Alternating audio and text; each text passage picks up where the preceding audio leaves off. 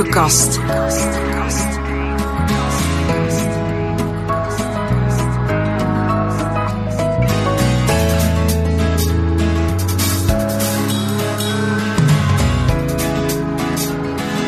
podcast over boeken. Boeken. Boeken. Boeken. Boeken. Boeken. Allemaal boeken. Neem een kijkje in de verrassende collectie van boeken over leren in organisaties. Dit is de HRD Boekenkast. Welkom bij de HRD Boekencast. In deze podcast spreken we over inspirerende boeken die relevant zijn voor leren in organisaties. Mijn naam is Willemijn de Jong en ik hou mij als procesbegeleider vanuit Kessels Smit, de Learning Company, bezig met het faciliteren van leerprocessen van individuen en teams in organisaties. In deze editie van de HRD Boekenkast spreek ik met Jan-Piet van Denen. Hij is consultant, trainer en coach op het raakvlak van persoonlijke en organisatieontwikkeling vanuit IOD. En hij is de schrijver van het boek De Onderstroom Boven, met als ondertitel Spanningen managen in organisaties en in jezelf. De juiste inspiratie voor op een zomerstrand, bij een knisperend haardvuurtje of gewoon gezellig onderweg. HRD Boekenkast. Ja, Jan-Piet, wat leuk dat je met mij in gesprek wilde over je boek. Zeker leuk, ja. Ehm, ja, we zitten hier in jouw woonkamer met uitzicht op een prachtige tuin.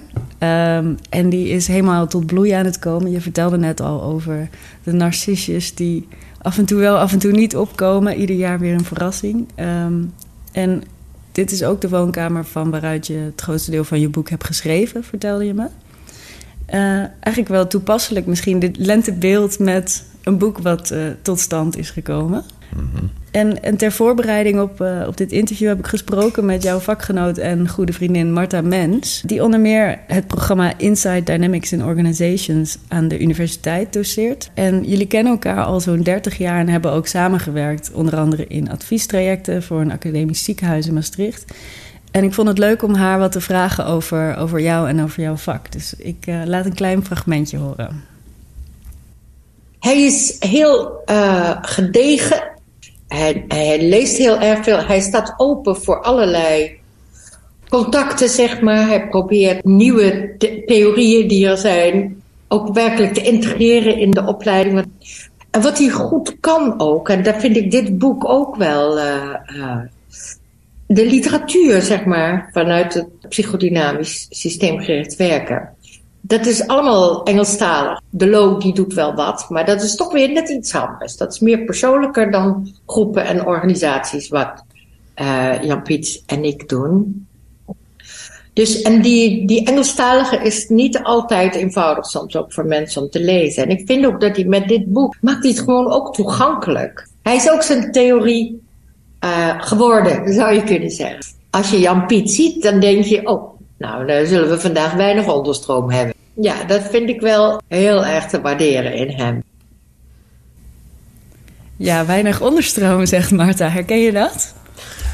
Nou, dat is alsof ik zelf een medicijn ben in een groep om het onderstroom te voorkomen. Maar ik vind het wel heel leuk wat ze zegt. En er zijn een aantal dingen die ik heel erg herken. Maar ja, ik, ik heb ook wel eens gezien gelezen dat er uh, de insteek is van niet zozeer de onderstroom naar boven te brengen. Alhoewel dat wel de titel van het boek is, de onderstroom boven. En, maar dat is niet mee bedoeld dat de onderstroom een negatieve betekenis heeft. Helemaal niet. Het is ook, um, en daarom heb ik daar drie soorten onderstroom onderscheiden, waar je één meer vanuit psychoanalytisch kader uh, echt kan zeggen dat is onderdrukt. Daar hebben mensen te veel spanning en daar wordt uh, die spanning onderdrukt. Maar je kan er ook op een andere manier naar kijken dat uh, er iets in wording is. Iets nog geen woorden heeft, maar wel al het denken en het gevoel van mensen beïnvloedt. Alleen we kunnen het nog niet onder woorden brengen. Dus dan dat is een ander soort onderstroom waar creativiteit uit voort kan komen. Eh, uiteindelijk is dat natuurlijk ook belangrijk. Wil je dat met elkaar kunnen communiceren en dat in het gesprek en in rationele besluitvorming kunnen betrekken, is het ontzettend belangrijk dat dat ook naar boven komt. Maar dat is veel meer een kracht. Uh, de zeitgeist, als je het op heel macroniveau bekijkt, maar ook op microniveau, kan het zijn dat je in een vergadering zit waarin een uh, bepaald onderwerp maar niet tot een eind komt.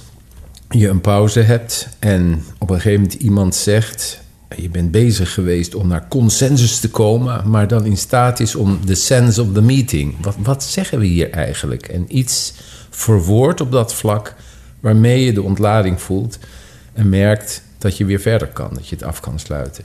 Nou, dat is ook een soort van onderstroom die niet een probleem is, maar veel meer een kans is. Ja, dus het is niet per se jouw streven om zo min mogelijk onderstroom nee. in een groep te, te laten nee. zijn. Nee, nee. Kun je iets vertellen over hoe het boek tot stand is gekomen? Waar Ja. begon het? Nou, kijk, dus in de periode coronatijd, ehm, ja, mijn werk is coaching, het organiseren van een aantal opleidingen, open opleidingen en het begeleiden van verandertrajecten, maar altijd met in plaats van voor betrokkenen. Zullen we het straks nog wel verder over hebben.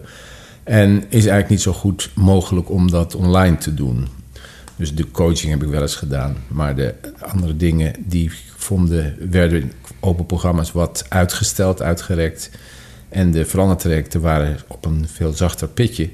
Dus ik had wat extra tijd. En in die tijd ben ik, eh, eh, heb ik de idee opgevat om een boek te gaan schrijven. Maar daar ben ik niet from scratch begonnen. Helemaal niet, want ik heb in het verleden veel artikelen geschreven. Ofwel voor, voor bladen, ofwel voor het grote programma, het professioneel ontwikkelingsprogramma. Ehm, en ik vond het wel fijn om dat wat bij elkaar te brengen. Nou, Marta haalde het al wat aan dat ik eh, in zoverre het wat makkelijker had dan als je daar anders in zit, dat ik wel consistent in mijn achterliggende filosofie al door ben geweest. Dus dat heeft me wel geholpen om niet eh, ja, enorme inconsistentie in dat boek te krijgen als ik verschillende artikelen daarin gebruikte. Natuurlijk is het wel zo dat als schrijvend, en dat heeft ook echt plaatsgevonden, je weer op allerlei nieuwe ideeën komt en zeker nieuwe indelingen. En de basisindeling van een belangrijk deel van het boek is tot stand gekomen tijdens het schrijven, waarin ik een aantal dingen aan elkaar koppelde. Zijnde het werken met een dubbele taak. Dus het belang om niet alleen maar als actieonderzoeker.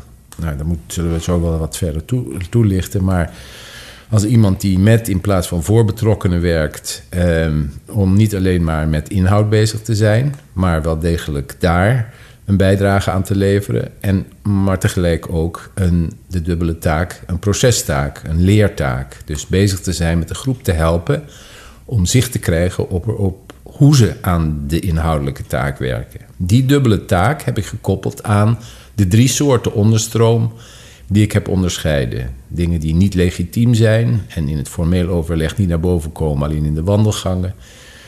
Dingen die onderdrukt zijn, had ik het er net al even over. En dingen die een kans zijn, die onbedacht zijn, maar die wel degelijk nog onder woorden gebracht kunnen worden. Maar die, dat zou je drie soorten onderstroom kunnen noemen. En op die manier ehm, heb ik in dat boek ook de indeling zo gemaakt dat je kan zien hoe je aan die drie eh, soorten onderstroom kan werken als begeleider, actieonderzoeker in meer in de rol van begeleider of in de rol van procesconsultant. En dat model, of dat perspectief, die inkadering, die is ontstaan als schrijvend in het boek. Oké, dus die had je niet van tevoren. Nee, absoluut niet. En waarom? waarom nou, ja, ik weet komen- zelfs het moment nog dat ik met Sika, mijn partner, praatte en opeens dat scherp kreeg. Dat was een, een heel prettig moment. Dus dat is echt een onderscheid waarin je echt dat inzicht kwam tot je tijdens het schrijven van het is belangrijk om hier. eh, Dit kader te, te, ja. te, te gebruiken. ja, Daar kom ik straks nog, nog verder op. eh, maar ik was nog even benieuwd. Je zegt, ik heb een vrij consistent beeld van hoe ik wil werken en eh, de filosofie maar, waarmee ik werk. En in je boek kom ik ook een aantal keer tegen. Steeds werk ik vanuit de overtuiging dat ik een ander niet kan ontwikkelen en dat ik hoogstens een ruimte kan creëren waarin ontwikkeling wellicht plaatsvindt. Is dit een overtuiging die je altijd al hebt gehad? ja, ik denk het wel. Ja. En waar dat komt is die misschien steeds sterker geworden. Nou, een, een grote beïnvloeding in hoe ik werk en misschien ook uiteindelijk wel uh, ja, in, überhaupt hoe ik in het leven sta. Maar als ik het probeer te herleiden, niet heel tot mijn jeugd toe, maar meer in termen van opleiding, ben ik afgestudeerd bij Henk van Dongen. Ik had mijn afstudeer had ik gepland en heb een feest gegeven een jaar voordat ik feitelijk afstudeerde. Dus ik heb wat langer over mijn scriptie gedaan dan uh, voorzien was. Maar tegelijk heeft dat ook wel heel veel invloed gehad op hoe ik daar nadien het feest. ben gaan werken. Niet het feest, maar de, de ellende die ik doorgegaan ben om uiteindelijk die punt te zetten. Ah. Die natuurlijk nooit een punt, maar altijd een punt komma werd. Maar dat was enerzijds denk ik dat ik daar heel veel aan gehad heb uiteindelijk. Maar was ook niet de meest prettige uh, periode. Een happy maar learning. Van ja, absoluut.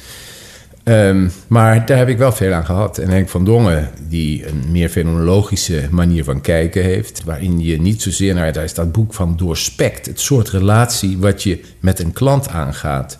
It takes two to tango. Pas op als actieonderzoeker dat je niet de verantwoordelijkheid van de klant overneemt. Ehm, het staat vol van dat soort kreten. Problemen bestaan niet, alleen maar mensen met problemen. Ehm, je kan een ander niet veranderen. Je kan een ruimte creëren waar een verandering plaatsvindt. En de minimale eh, condities om voor die veranderruimte, die zijn van belang. En het letten op een goede verantwoordelijkheidsverdeling tussen beiden. Dus dat, dat is van, uh, van groot belang in mijn beleving op een goede manier te gaan werken. Ik heb een hekel aan al die boeken die de wereld uh, uh, beloven en via zeven stappenplannen de maakbaarheid enorm uh, neerzetten. Daar, daar geloof ik eerlijk gezegd helemaal niet van. Ik bedoel, het boek wat daar onder jouw microfoon staat, vind ik een hele interessante manier van kijken, waarin gezegd wordt hoe ongelooflijk belangrijk het is om een sfeer te creëren waarin we in staat zijn, de moed hebben om um, geraakt te worden, wat een ander zegt, wat er gebeurt. En via je beste weten, dat zijn dan meer mijn woorden, via je beste weten op een, een jouw eigen manier daarop te reageren. En dan zal iets nieuws ontstaan. Maar het lastige daarin is dat dat niet te plannen is. En dat het open-ended is. Je bent nooit, zeg ik wel eens grappend, je bent nooit te oud om een gelukkige jeugd te hebben. Maar ook niet te oud om een ongelukkige jeugd te hebben. er kan van alles gebeuren. En dat veroorzaakt spanning, waardoor we die vaak ontwijken en toch proberen het helemaal te beheersen en het te plannen. En is in die zin, dus het boek wat onder mijn uh, microfoon staat, is Resonance van Hartmut Rosa. Um, is, je, is jouw boek dan ook een pleidooi tegen die maakbaarheid? Of voor de, ja, wat zou je daar tegenover stellen? Ja, ik probeer niet zozeer een pleidooi tegen te doen.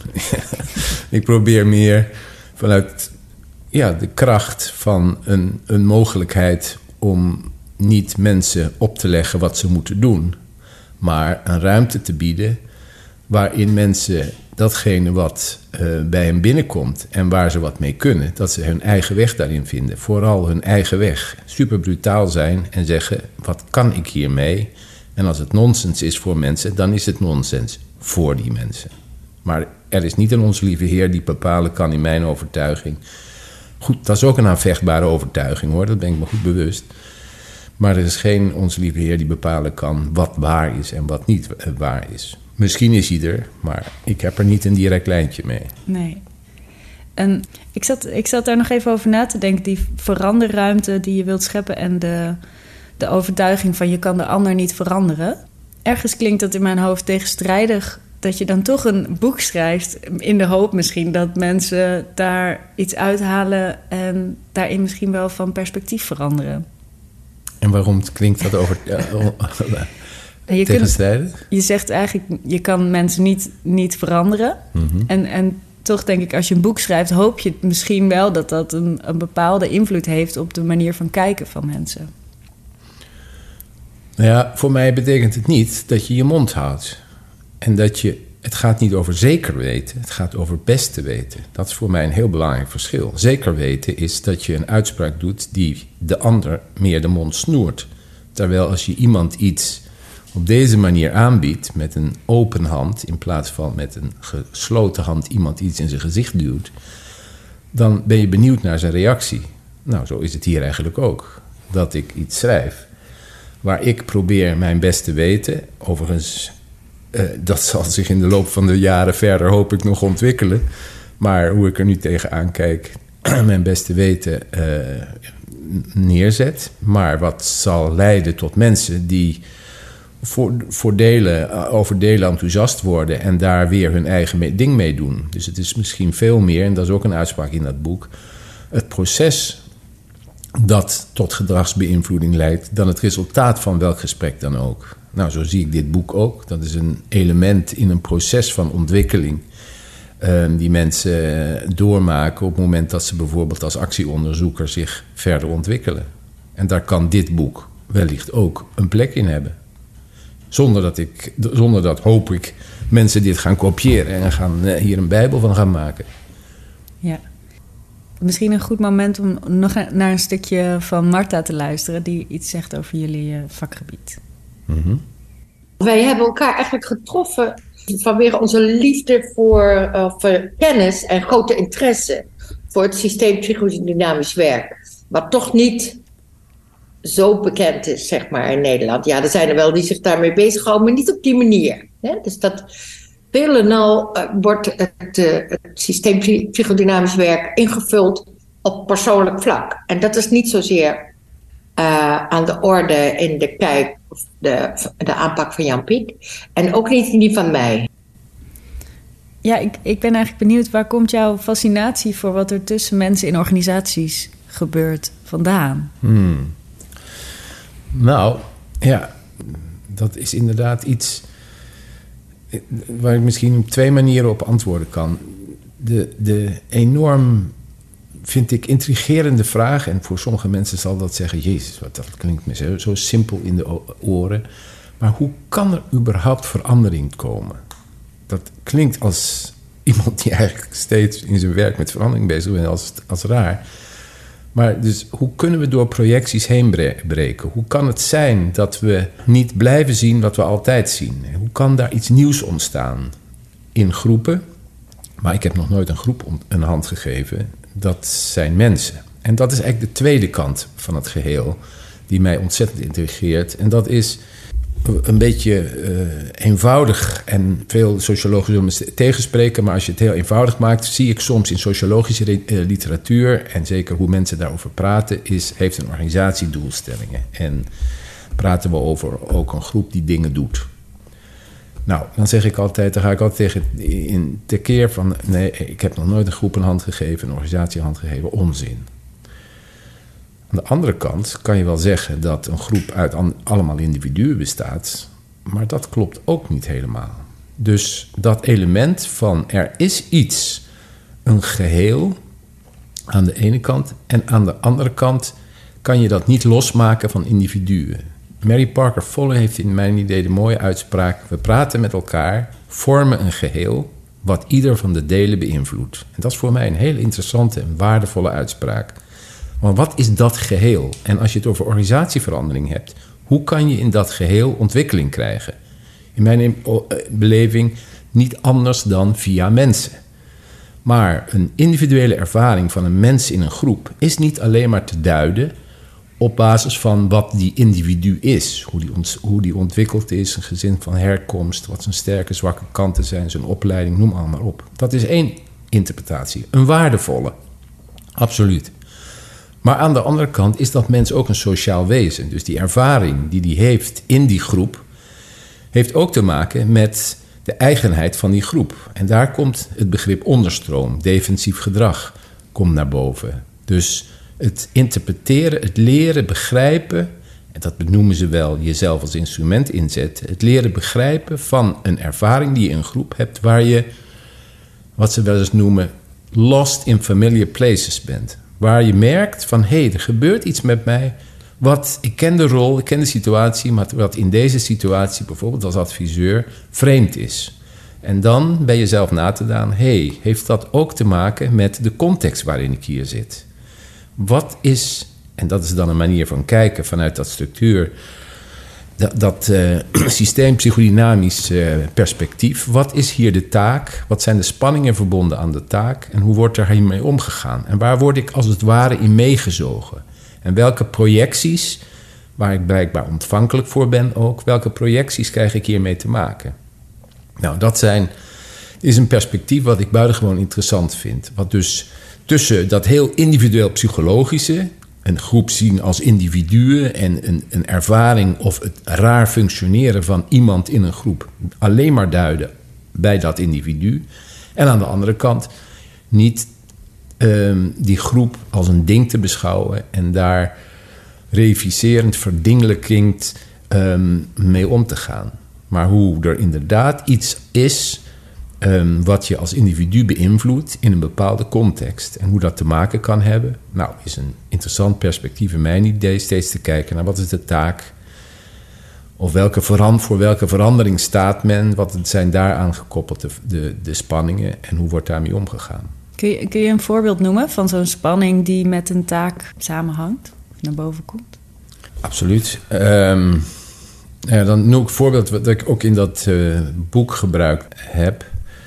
Ja, ik werkte tijd geleden met een PNO-afdeling van een grote organisatie.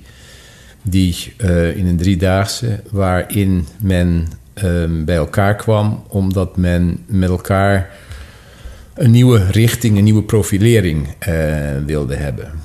En wat mij opviel eh, in die groep, als er dus, er werden regelmatig voorstellen, zullen we dat gaan doen, zullen we dat gaan doen. En wat me opviel was dat er steeds twee mensen met allerlei initiatieven kwamen en de overige vijftien um, steeds zeiden: Ja, dat hebben we al geprobeerd, dat kan hier niet, dat zal productie niet leuk vinden, dat wordt afgeschoten. Nou, en ze hadden het makkelijk gemaakt. Er waren twee vrouwen in die groep. Dat waren degenen die steeds met voorstellen kwamen. En de vijftien anderen, dat waren allemaal mannen. Maar ik merkte ook dat in de pauzes een aantal van die mannen dan... want dat werd soms een beetje een vervelende, een beetje onvriendelijke discussie... naar die vrouwen toe gingen en een soort van excuus maakten of zo. Nou ja, op een gegeven moment Um, komen we weer plenair bij elkaar. Toen meld ik dat. Toen zeg ik van, goh, het valt mij op dat dit en dit gebeurt. Toen zei de, de directeur heel parmantig... ja, we hebben hier twee veranderaars en vijftien remmers. Zei ik op dat moment uh, spontaan. En bevalt het? En dan wist ik wel het antwoord eigenlijk op. Het beviel niet. Um, en ja, daar hebben we toen wat verder over gepraat. En mijn interpretatie, en zo is daar uiteindelijk ook mee omgegaan. Mijn interpretatie was dat zij voor de, de spanning verbonden aan de taak was daar om tot nieuwe dingen te komen, waar er een stemmetje was van ja, laten we dat doen, leuk. Maar tegelijk ook een stemmetje die zei van dat is gevaarlijk, daar kunnen we afgaan, daar uh, zit productie op te wachten. En de spanning verbonden die taak voor ieder van de aanwezigen was te groot. En omdat die dubbelheid van stemmen heel veel spanning opriep. En er was dus een geneigdheid om dat te splitsen over een deel van de groep die de veranderaars waren en een ander deel van de groep die de remmers waren. Nou, dat is een typisch voorbeeld van hoe er een taak is, namelijk tot iets nieuws te komen. De spanning verbonden aan de taak is met die ambivalentie, met die meervoudige stemmen om te gaan. En het, het gedrag, het, defensieve gedrag, want dit schoot niks op.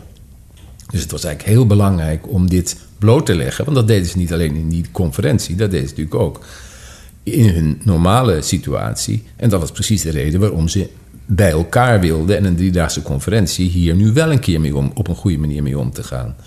Dus dat defensieve gedrag werd door daar zo over te praten wat bewuster. Nou ja, toen zijn we daar op een bepaalde manier mee omgegaan. Door die. Dat is nou niet meer een antwoord op je vraag, maar ik misschien wel ook om te zeggen. Ja, dus we gingen aan één deel van de ruimte zitten en bespraken en schreven op een flap alleen de kansen, de mogelijkheden. En daarmee maakte dus iedereen volledig contact juist met dat stemmetje. Vervolgens gingen we in een ander deel van de ruimte zitten en bespraken we alleen, en schreven we op, de risico's, het gevaar, waarom het niet moest plaatsvinden. En vervolgens pakten we die twee flip-overs en zetten we in, de, in het midden van de ruimte. Vervolgde toen het gesprek niet meer in het een of het ander. Waarmee iedereen dus zowel het ene stemmetje als het andere stemmetje gevoeld had. En beter in staat was om daar een genuanceerder gesprek over te voeren. In plaats van dat die verdeling tussen personen Ja. plaatsvindt. En één iemand eh, vertegenwoordiger is van de voordelen en de andere van de nadelen. Precies.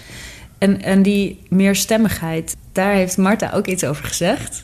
Mhm. Dus vind ik leuk om weer even iets te laten horen over eh, nou, hoe jullie hebben samengewerkt.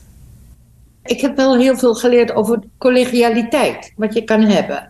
Wat betekent het in dit werk als je een good working pair bent? Een heel goed eh, werkpaar.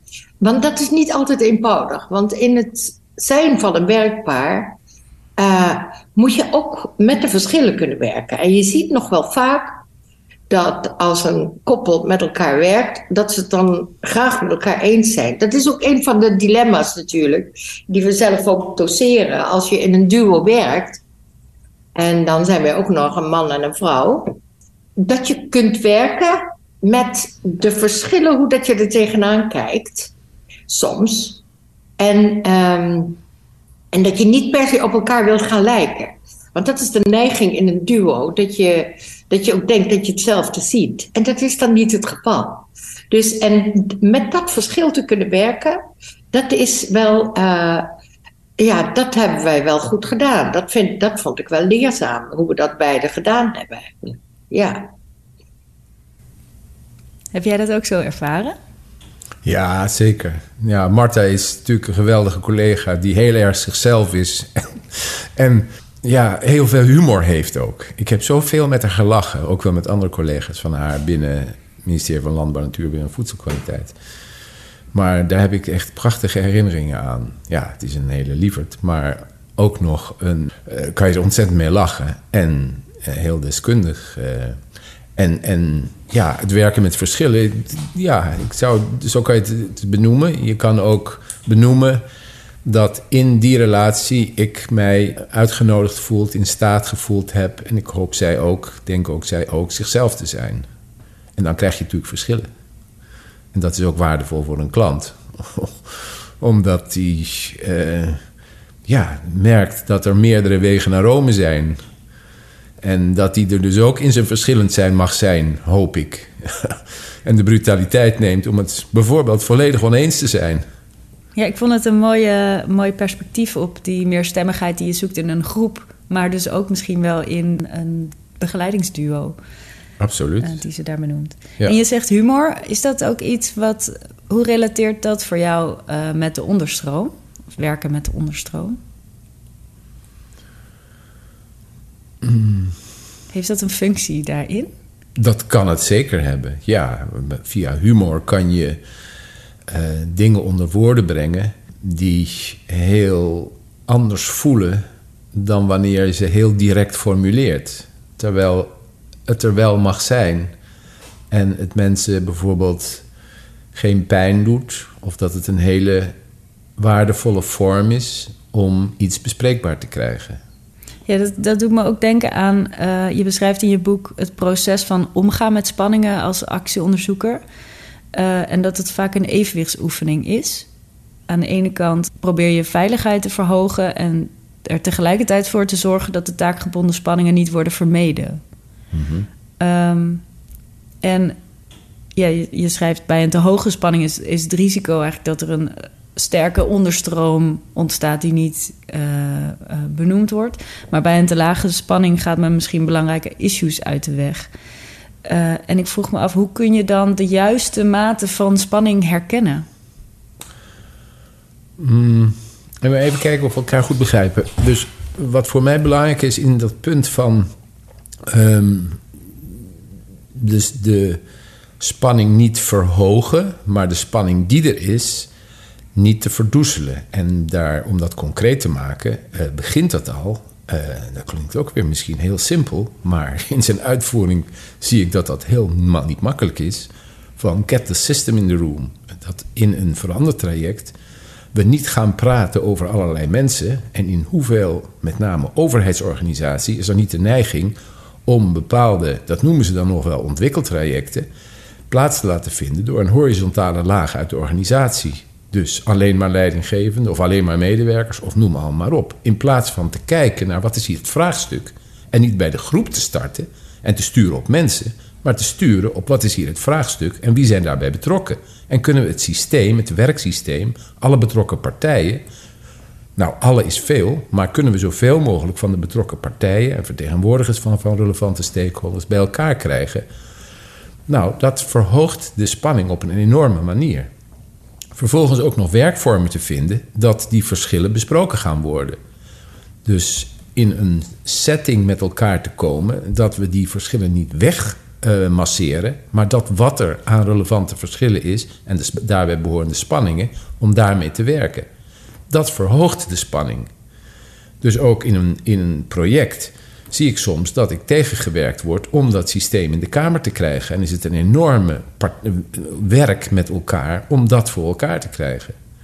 Aan de andere kant, inderdaad, je kan, je kan allemaal mensen bij elkaar in een hok gooien en heel weinig structuur bieden. En dan heb je een Babylonische spraakverwarring. En dan kan je de mensen wel de schuld geven, flauwekul. Nee, hoe kan je voldoende veiligheid creëren om aan relevante onveiligheid te werken? Oftewel, wat voor werkvormen en ook uh, optreden van een begeleider en, en stimulering in termen van noodzakelijk maar onvoldoende voorwaarden zijn er te creëren dat mensen met elkaar gerust worden. Door bijvoorbeeld in kleine kring te beginnen, in, in duo's te beginnen, de groepen groter te maken, waardoor mensen langzaamaan het zelfvertrouwen krijgen dat ze er mogen zijn met, met hun wellicht afwijkende standpunt. En waarmee uiteindelijk dus voldoende veiligheid. Voldoende veiligheid ook in niet weten. Het even niet hoeven te weten. En als je als begeleider dat dan niet kan, dan geef je een slecht voorbeeld aan, aan de mensen die je begeleidt. Die het op bepaalde momenten ook niet weten. Wat vruchtbaar kan zijn en heel onvruchtbaar om te doen, meteen dat toe te dekken alsof we het allemaal wel weten. Niet om bij dat niet weten te blijven. Natuurlijk zal het op een gegeven moment hopen, hopelijk leiden tot een overtuiging, een gevoel waar je, waar je van zegt van hé, hey, nu begrijp ik een aantal dingen en dat voelt ook goed. Op grond waarvan we dus ook gaan handelen, want daar gaat het wel om. Het is actie-onderzoek. Onderzoek, onderzoeken, voelen met je hoofd en met je hart. En op een gegeven moment op grond daarvan durven handelen op een manier die past bij jou, waar je overtuiging in hebt waarmee het onderzoek cruciaal is en we onderzoek en actie niet scheiden. Zoals in veel projecten gebeurt, waar een groepje deskundigen het onderzoek doen en vervolgens anderen weer door een ander adviesbureau begeleid moeten worden om dat te implementeren. Nou, je kan misschien begrijpen dat ik daar wat kritisch over ben. maar daar wordt een partij geld mee verdiend, dat hou je niet voor mogelijk. Ja. En je zegt het is dus belangrijk als, als actieonderzoeker om ook dat niet weten te omarmen. En tegelijkertijd zeg je, het is ook niet zo dat je mensen bij elkaar stopt in een ruimte zonder structuur en dat je dan een goed gesprek krijgt. Hoe verhoudt dat zich tot elkaar? Dus hoe kun je het niet weten omarmen en tegelijkertijd toch een minimale structuur bieden die, die dus leidt tot wat je hoopt, uh, een productief gesprek? Mm ja, dan moet ik denken als ik naar je luister aan dat idee van we kunnen mensen niet veranderen. Je kan hoogstens een ruimte, een veranderruimte creëren waarin verandering wellicht, wellicht tot stand komt. En de bijdrage die je daarin levert is het creëren van condities voor die veranderruimte. Daar zal ik zo nog wat over zeggen. Aan de ene kant. En, en, en de manier waarop je dat begeleidt. Ehm, en die minimale condities, die, ja, een heel eenvoudige vorm die ik eh, vaak aanhaal is time toss territory. Dat als je nadenkt over een bijeenkomst of een conferentie, wees dan heel scherp op wat is het onderwerp en probeer een sociaal contract te krijgen met de groep. Voldoende overeenstemming over waar gaan we het over hebben. En dus ook waar gaan we het niet over hebben. Dat is een grens. Dit is allemaal sturen op grenzen. Probeer, dat is task, um, time. Wat is de benodigde tijd die je hiervoor hebt? Dat is denk ik ook vaak in een, het, het, opzetten van een traject en het overeenkomen met een opdrachtgever over hoe je dat doet, ongelooflijk belangrijk. En dat je voldoende een realistisch tijdsbeslag hebt waarin je datgene wat er bereikt eh, moet worden met elkaar, um, dat kan doen. En denk ook na over de plek waar je het uh, doet. Dat die uitnodigend is, dat die helpend is. Dat zijn allemaal grenzen waarbinnen iets gaat emergeren, waarbinnen iets gaat ontwikkelen wat je bij voorbaat niet weet. Wat open-ended is en spannend. Omdat je het niet helemaal plannen kan, het ook niet wil plannen.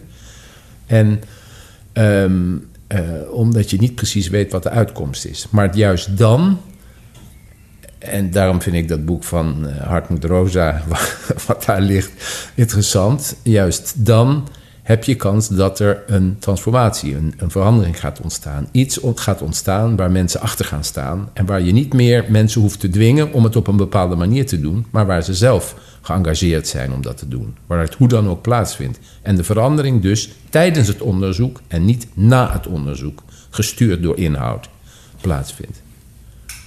Je noemde het net al even over de bijdrage die je als begeleider en als uh, procesconsultant kan leveren. Wil je, daar, wil je daar nog iets over vertellen waarom je het belangrijk vond om dat onderscheid te maken? Ja, en ik zou het iets anders formuleren. Want wat ik eigenlijk liever niet wil, is dat we begeleider en procesconsultant als twee soorten adviseurs gaan zien. Wat wel plaatsvindt. Waar wat ik, wel merk, dat bepaalde mensen zich vooral als procesconsultant en anderen als puur inhoudelijke. En dan gaan we misschien soms zelfs ruzie met elkaar maken. En dan gaat eens vooral over structuren en over heel expertmatig. En de ander gaat heel erg, wat vind je er zelf van? Ja, hallo, denk ik dan. Nee, het is de actieonderzoek die twee rollen heeft. En afhankelijk van het soort vraagstuk wat meer in de ene rol en wat, of wat meer in de andere rol. Dus ik denk dat het werken aan die dubbele taak heel belangrijk is. Steeds zicht te hebben op zowel de inhoudelijke vraagstuk als ook te kijken over hoe wordt daarover, uh, daaraan gewerkt. Dus ik ben vaak niet zo blij met een vraag van een klant aan mij van kan jij uh, als procesbegeleider optreden? Nee, ik, ik wil wel degelijk ook begrijpen waar het inhoudelijk over gaat. En te zien van wat is hier de taak? Wat zijn de spanningen verbonden aan de taak? En hoe wordt daarmee omgegaan? Oftewel, er is een enorme relatie tussen de taak en het proces. Dus ja, die twee kanten, ehm, die begeleiderskant, zoals ik het dan genoemd heb, de rol van begeleider als actieonderzoeker en de rol van procesconsultant, waar afhankelijk van het vraagstukje wat meer op dat been gaat staan of wat meer op het andere been, het leidt ook tot heel andersoortige interventies. Ja, want in je boek zeg je eigenlijk het bespreekbaar maken van die onderstroom, dat is afhankelijk van de rol die je inneemt of de, de, de vraag die je hebt gekregen, al, al dan niet legitiem. Dus, dus als je voor de inhoud bent gevraagd, mag je dan iets doen met die onderstroom, om het even zo te zeggen. Ja, maar daarom heb ik, wat ik daarnet ook zei, dat, waar ik blij over was, die indeling die drie soorten onderstroom benoemd. Want als het gaat over niet legitiem, dus datgene wat in de wandelgangen wel degelijk besproken wordt, maar niet uitgesproken wordt in het formeel overleg, en dus een gevaar bestaat dat de besluitvorming daar niet op gebaseerd is, dat is wel degelijk ook als begeleider in, in de rol van begeleider de actieonderzoek heeft daar enorm zicht op. Maar die zal veel minder met het onbewuste bezig zijn. Daar is de procesconsultant veel meer op gericht. Dus een actieonderzoeker die in een groep werkt waar iemand zijn mond niet open doet, die zal snel de spanning voor de groep managen door die persoon de vraag te stellen: Goh, Karel, hoe denk jij eigenlijk over dit onderwerp? Terwijl de actieonderzoeker, die veel meer met de taak bezig is van met die leertaak, die, die procestaak bezig is, die zal eigenlijk die spanning niet reduceren. En die zal veel meer een interventie geven in de sfeer van: Goh, het valt mij hier op dat bepaalde mensen veel zeggen en anderen heel weinig. Ik zal vast niet de enige zijn die dat opgemerkt eh, heeft. Kunnen we eens iets vertellen over wat de reden daarvan is? Nou, een dergelijk soort interventie. Waarmee je dus de condities creëert dat de groep zich bewust wordt van ja, dat is eigenlijk gedrag wat we vertonen. Wat is eigenlijk de reden waarom we dat doen? En dat gaat waarschijnlijk dus niet alleen maar over degene die niks zegt, maar dat gaat over het collectief, de groep als ander beest. Dat vind ik ook een heel belangrijke boodschap in mijn boek. De groep als ander beest, kun je dat toelichten? Dus het besef dat je kijkend naar een groep, um, en dat deel ik ook heel erg met Marta, die manier van kijken, um, dat je ja, die, die uitspraak van we praten met elkaar, vormen een geheel wat ieder van de leden beïnvloedt. Dat geheel, die groep als ander beest, om daar zicht op te krijgen. Waarmee je dus een zondebok niet alleen maar als iemand, een individu interpreteert, maar als een collectief wat op een bepaalde manier gebruikt. Waarin de eigenheid van dat geheel wat je met elkaar vormt, als je met elkaar praat, voelbaar is in ieder van de individuen. Als een soort van hologram, waar het, het geheel in de delen zichtbaar is. En aan de andere kant, waarin dat geheel zichtbaar wordt door het collectieve gedrag van die groep, zoals die remmers en die veranderaars waar ik het eerder over had. En soms tot bewustwording gebracht kan worden als we uh, de ervaringen die we op dat moment hebben, zeker als de groep leden geconfronteerd worden met hun gedrag, als we de ervaring die daarachter zit met elkaar bespreekbaar kunnen maken. Wat een belangrijke manier is om tot ontwikkeling en verandering in een groep te komen. Maar dus dat kijken naar een groep als een ander beest, dat is buitengewoon interessant. En dat is voor mij ook wat gekoppeld aan het feit dat ik in dat boek ook in het laatste hoofdstuk voor de epiloog de nadruk heb willen leggen op niet alleen maar mensen, maar ook mensen en systemen. Dus dat de actieonderzoek niet, actieonderzoeker niet alleen maar bezig is met hoe mensen omgaan met de spanning verbonden aan de taak, hoe ze met elkaar samenwerken en zo, maar ook zicht probeert te krijgen op de organisatorische randvoorwaarden waarin die mensen werkzaam zijn. Dat wil zeggen de structuur, de beloningssystemen, de vergadersystemen en zo. Want ik kan mooi met een groep werken en waarmee mensen ervaringen krijgen waardoor ze op een betere manier met de spanningen verbonden aan werk om, uh, omgaan. Maar als ze vervolgens terug in een organisatie geconfronteerd worden met een structuur, beloningssysteem, et cetera, die juist conditioneren om dat niet te doen, dan is dat helemaal niet meer helpend. Dus het uit elkaar trekken van je op mensen richten of ook zicht te krijgen op wat zijn de systemen. Natuurlijk veranderen die systemen alleen maar als mensen daar weer actie op gaan ondernemen. Maar het is wel een ander perspectief. Dus ja, je ziet soms in ziekenhuizen waar, om eens wat te noemen, heel veel soorten spanningsvelden, dat er een spanning is tussen wat is hier economisch haalbaar en wat is medisch wenselijk. En dat is een heel lastig gesprek. Um, om dat op verschillende plekken te voeren. Maar dat is eigenlijk wel belangrijk om goede beslissingen te nemen. Dat zijn appels en peren, maar hoe weeg je die ten opzichte van elkaar? En dat is soms zo spannend dat je ziet dat in bepaalde ziekenhuizen dat alleen aan de top plaatsvindt. Waar de, uh, de medische staf en de raad van bestuur eigenlijk die afwegingen maken. In plaats van dat het veel lager in de organisatie gebeurt. En zelfs als dat organisatorisch laag uh, neergelegd wordt, ja, zie je soms dat dat toch eigenlijk moeilijk tot stand komt. Dat het veel spanning met zich meebrengt. Ja, veel wat je uh, daarover vertelt, doet me denken aan het, uh, aan het woord onschuldige. Wat ook onder andere Marijke Spanjesberg veel gebruikt. Van eigenlijk wat er tussen mensen gebeurt, dat is misschien wel. Het zegt minder over de individuen en meer over die interactie tussen de individuen. Is dat ook een bedoeling die jij met je boek hebt? Om eigenlijk te laten zien van. Nou, misschien wel, het ligt niet het ligt niet altijd aan het individu uh, of het ligt niet altijd aan um, die specifieke persoon of dat specifieke team, maar ook aan de context waarin zij moeten werken. Um, ja, dat begrip onschuldig vind ik heel goed en mooi. En dat heeft voor mij ook met een systemisch perspectief te maken. Dat je niet de dingen individueel duidt allemaal. Um, en ook in het boek Tussentaal van haar uh, vind ik dat heel positief. Ik vind alleen, je moet het kind niet met het badwater weggooien. Je kan natuurlijk wat uh, extreem gaan maken en ook wat wiek op die manier interpreteren. Het, het idee dat je een persoonlijke ervaring ook interpreteert als iets wat te maken heeft met het collectief waarin je zit Ehm, dus dat je dat met elkaar maakt. Dat hele idee wat ik dan nu al twee keer genoemd heb: van we praten met elkaar, vormen een geheel wat ieder van de leden beïnvloedt. Toch zullen die leden, die individuen, daar iets mee moeten.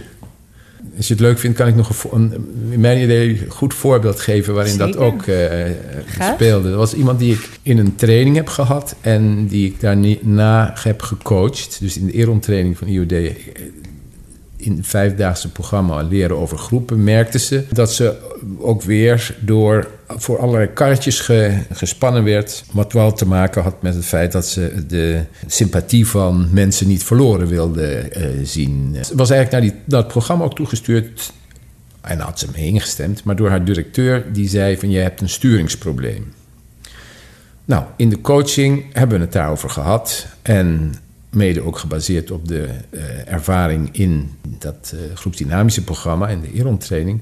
Ja, was dat interessant om daarnaar te kijken. En eh, was dat voor een deel ook herkenbaar toen ze het daarover had in de gezin van herkomst. Waarin ze ook ja, dingen ge- waren gebeurd waardoor ze de sympathie van, in dit geval, haar ouders wilde behouden in dat gezin met meerdere kinderen. En op die manier die neiging had. Dat was zinvol om daar op die manier naar te kijken. Maar de andere interpretatie was minstens, minstens zo interessant, eh, had ik de indruk. Namelijk dat zij deel uitmaakte van... Ze was leidinggevende van de centrale stafafdeling... die partner in beleid eh, moest worden. En dat betekende dat ze, nou, om in mijn termen dat te formuleren... invloed zonder hiërarchische macht moest gaan uitoefenen als adviseur. Oftewel niet een soort van eh, paternalistische rol vanuit de centrale afdeling naar de decentrale uitvoerende diensten moest innemen. En tegelijk niet een uitvoerend verlengstuk van die directeur, onder andere, eh, moest zijn. Nou, dat was dan partner in beleid. En toen we dat wat koppelden aan dat sturingsprobleem, was dat eigenlijk heel interessant. Dus kon je eigenlijk haar, en nou ga ik ook in op het onschuldige, het slecht functioneren, het sturingsprobleem op een hele andere manier interpreteren. Namelijk als een bijdrage aan een afdeling die op een andere manier moest gaan sturen. En toen ze dat zag, werd het ten eerste, over ontlasten gesproken, werd het lichter voor haar. En zag ze dat die worsteling niet alleen maar, waarschijnlijk niet alleen van haar was, maar ook van anderen. En had zij vanuit dat inzicht zich voorgenomen om dat eh, eens in te brengen. En haar persoonlijk, zogenaamd persoonlijk eh, sturingsprobleem in te brengen naar eh, haar medewerkers. Met de uitnodiging van wat herkenden ze daarvan?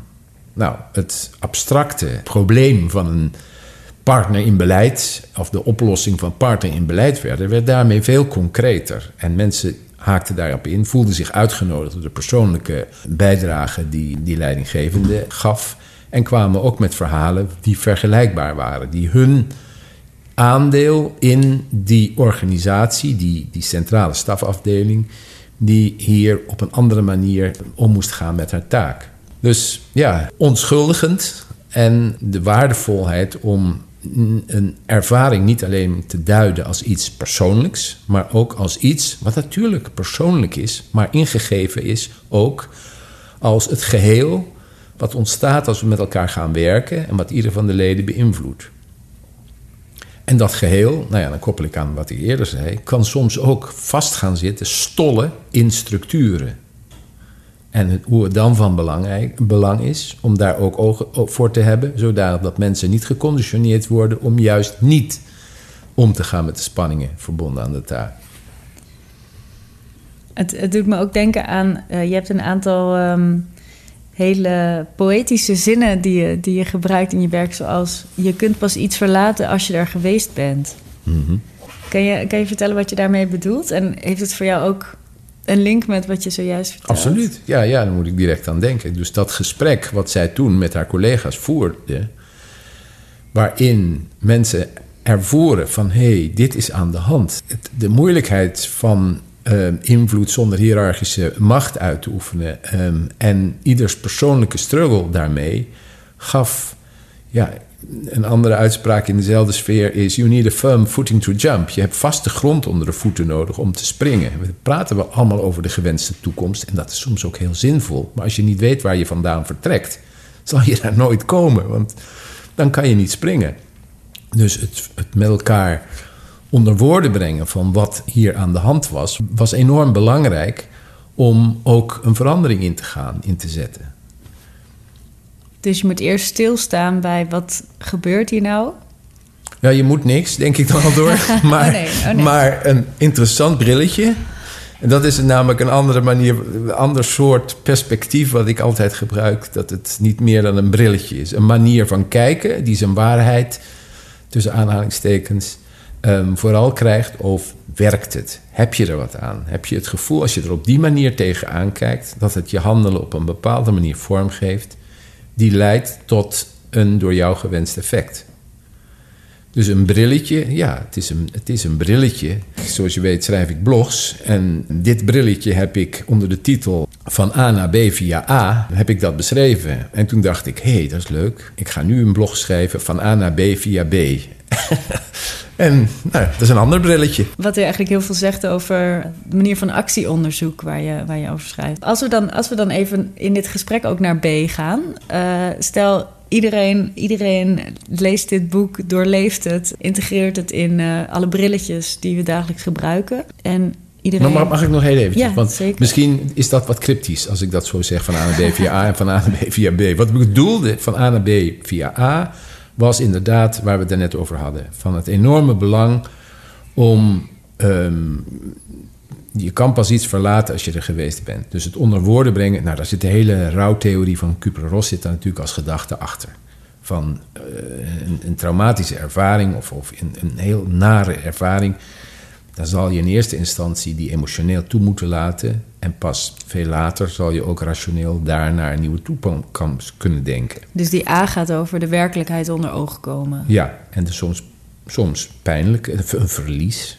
Een verandering heeft vaak een verlies, brengt met zich mee. Ja, dat verlies. Van A naar B via B bedoelde ik mee. En dat was, kwam op in een traject eh, waarin ik merkte dat men een veranderd traject in wilde zetten op exact dezelfde manier als zoals ze het al honderd keer gedaan hadden, maar wel een idee hadden over het andere. En toen zei ik van zullen we van A naar B via B gaan? Oftewel, zullen we experimenteren, actieonderzoek, experimenteren met een wat andere aanpak die jullie zogenaamd al willen in gaan voeren. Laten we daar maar eens mee gaan experimenteren, iets nieuws gaan doen, al in de manier waarop we dit gaan onderzoeken. En op die manier feedback krijgen over ja, wat, uh, hoe voelt dat eigenlijk als we dit nog wat conceptuele, nogal verstandelijke idee in praktijk gaan brengen? Wat, als we korte feedback loops proberen te krijgen, agile werken, hoe voelt dat dan en hoe kunnen we dat bijsturen? Maar goed, jij wou, jij wou daar iets nou, over vragen. Eigenlijk in dat, in dat verlengde. Wat zou het opleveren als, dat, als die actie en het onderzoek, zoals je net zei, in plaats van dat het gescheiden wordt, vaker en op meer plekken in één zouden worden geschoven? Dus wat zou het, hoe zou dat zichtbaar worden in organisaties als het veel vaker op deze manier die je beschrijft zou worden aangepakt? Ja, dan stel je voor mij eigenlijk de fundamentele vraag: wat is de waarde van actieonderzoek? Mm -hmm. Nou, dat ligt eraan wat het vraagstuk is. Want ik maak wel eens het onderscheid tussen een vraagstuk wat vooral veroorzaakt wordt door een gebrek aan gegevens. Er moet een marktanalyse gemaakt worden omdat men daar onvoldoende inf informatie over heeft. Of er zijn technologische ontwikkelingen waar men onvoldoende van op de hoogte is. Nou, dan zou ik zeggen, zet daar een expert op die aan kennisoverdracht gaat doen, aan een informatieoverdracht gaat doen. Als iemand een bepaalde inhoudelijke expertise mist, dan is het zinvol om dat. En ik ga nou twee dingen uit elkaar trekken, die natuurlijk vaak verweven zijn. Maar je kan wel kijken, is het het een meer of is het het ander meer? Het andere probleem waar ik vaak mee te maken heb, is niet dat er een gebrek aan gegevens is, maar dat er een teveel aan gegevens is. Dat er ambivalentie is. De een wil dat of de ander wil dit. En de ander wil dit. Of een individu die komt bij je met een vraagstuk. En op het moment dat je hem A adviseert, gaat hij B verdedigen. En op het moment dat je hem B adviseert, gaat hij A. Want hij heeft met meer stemmigheid te maken in zichzelf. Dan helpt het niet om aan kennisoverdracht te doen. Dan is het van belang om mensen bij elkaar te halen. Onderzoek met betrokkenen in plaats van voor betrokkenen te doen. Dan zou je kunnen zeggen: problemen bestaan niet, alleen mensen met problemen. Oftewel, ga het onderzoek met betrokkenen uh, doen. En dan je vraag, want dan hebben we het over actieonderzoek. Dan je vraag van wat zou dat op kunnen leveren? Nou, ik denk dat het op bepaalde punten efficiënter is, om er zo'n begrip bij te halen. um, ik denk dat het leuker is, dat mensen daar meer bevrediging uit halen, omdat mensen integraler aangesproken worden, ook op de kennis die mensen hebben. Um, en die ze in kunnen zetten, waarmee ze eigenaar worden op het moment dat ze integraal aangesproken worden, e eigenaar worden van de ideeën En op dat moment zich ook op een betere, vollediger manier in kunnen zetten in een deel van hun leven, namelijk hun werk. En dat veranderingen duurzamer zijn. Dat je niet keer op keer dezelfde uh, riedel krijgt van een adviesbureau die nu bijkant een onderzoek doet. En vervolgens mensen zeggen: Oh, die zijn er weer geweest. Duiken, jongens. Dat hebben we al vaker meegemaakt. Dus ja, het is denk ik duurzamer. Het is plezieriger, het traject op zich en het resultaat. En het soort verandering die mensen meemaken. Waardoor ze ja, ook merken dat ze zinvol kunnen zijn, betekenisvol kunnen zijn eh, voor andere collega's en uiteindelijk voor, voor de klant in hun werk. Marta heeft hier ook nog iets over gezegd. Als je de dynamieken, waar mensen ook aan onderhevig zijn, hè, want het is niet altijd een keuze. Je zit in een systeem en je ziet jezelf ineens ook dingen doen die je denkt van, hoe krijgen we nou?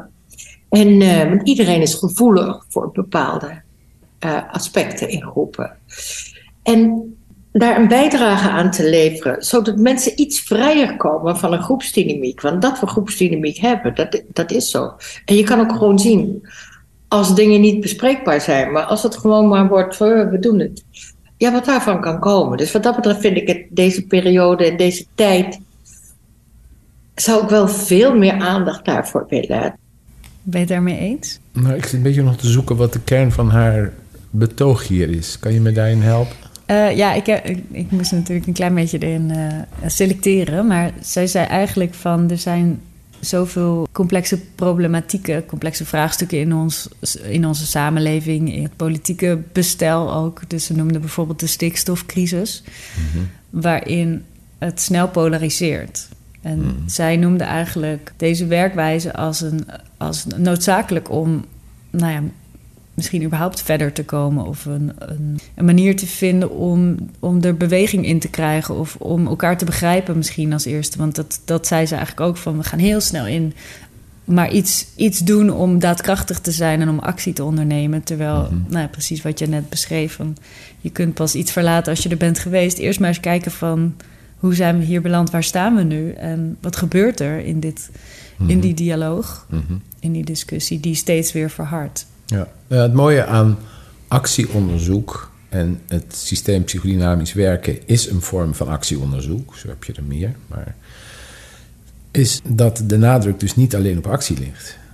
En dat dat soms geïnterpreteerd wordt als vechten, vluchten. Zoals Bion dat als een van zijn vormen van alsof gedrag uh, heeft uh, geformuleerd. Als maar gaan, gaan, gaan, zonder ook na te denken over... hé, hey, waarom doen we wat we doen en hoe denkt iedereen daarover? Dus ja, dat merk ik ook in het grote programma van IOD, het professioneel ontwikkelingsprogramma, dat mensen daar dus bezig zijn om als actieonderzoeker leren verandertrajecten op die manier te begeleiden, maar dat ook vaak gaan koppelen naar hun eigen leven.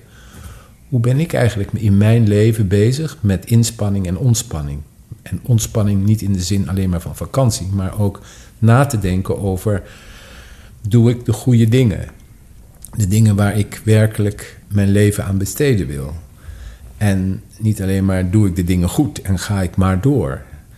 En dat kan je natuurlijk maatschappelijk ook zien. Van, daar duidt Marta op, op het enorme belang om die tijd voor reflectie, om na te denken van hé, hey, hoe zijn we hiermee bezig? Die dubbele taak, de inhoudelijke taak, maar ook na te denken en met elkaar soms onderwerp van gesprek te maken.